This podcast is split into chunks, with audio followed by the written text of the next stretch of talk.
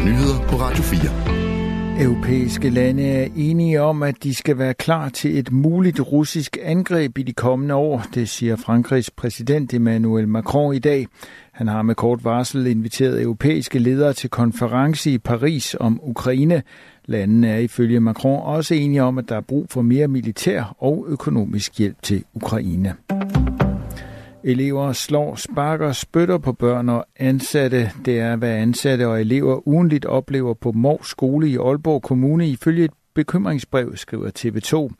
11 ud af 21 lærere og pædagoger på skolen i Nordjylland har underskrevet brevet til skolens bestyrelse. De ansatte oplever, at skoleledelsen ikke tager problemerne alvorligt. Disse hændelser bliver bagatelliseret af ledelsen, skriver de ansatte i brevet. Flere forældre siger til TV2, at deres børn har oplevet vold på Mors skole. Det er for eksempel Line Skov Jensen, hvis barn går i 0. klasse, der er blevet slået og sparket. Som forælder så bliver jeg jo enormt ked af det på mit barns vegne, og jeg bliver også meget frustreret, for jeg føler jo, at jeg bliver mødt af en ledelse, som ikke øh, lytter til de problematikker, vi oplever i forhold til vores barn.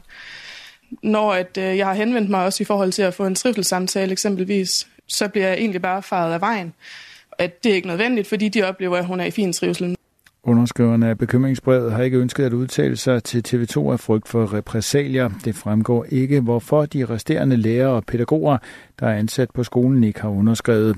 To medarbejdere, der ifølge TV2 er nogle af de drivende kræfter bag brevet, er blevet hjemsendt af skoleledelsen. Det bekræfter Aalborg Lærerforening over for mediet.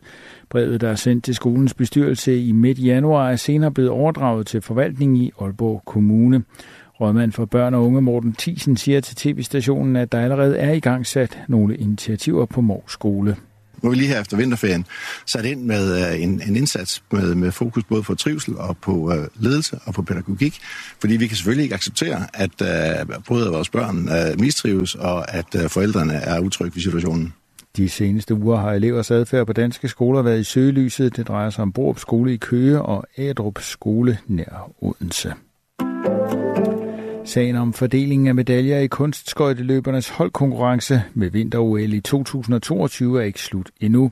Russerne har nemlig ikke opgivet kampen for de guldmedaljer, landets skøjteløbere mistede som følge af Kamila Valjevas dopingdom. Efter et langvarigt sagsforløb blev Valjeva i januar idømt fire års karantæne som straf for den positive dopingprøve, hun afleverede i december 2021.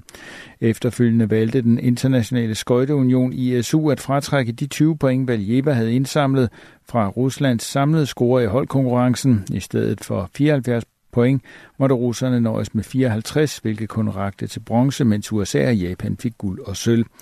Nu meddeler sportens internationale voldgiftsret, CAS, at den har modtaget tre forskellige russiske appeller over den afgørelse. De kommer fra Ruslands olympiske komité, Ruslands skøjteforbund og en samlet klage fra de seks skøjteløbere på det russiske OL-hold. De opfordrer CAS til at give Rusland guldmedaljerne tilbage. Også Kanada, der sluttede på fjerdepladsen i holdkonkurrencen, vil have omstødt afgørelsen dog i en anden retning. Kanadierne er uenige i ISU's reviderede pointgivning og mener sig berettiget til to ekstra point. Det vil bringe det kanadiske hold op på en bronzeplads. CAS oplyser, at alle fire appelsager kun netop er begyndt.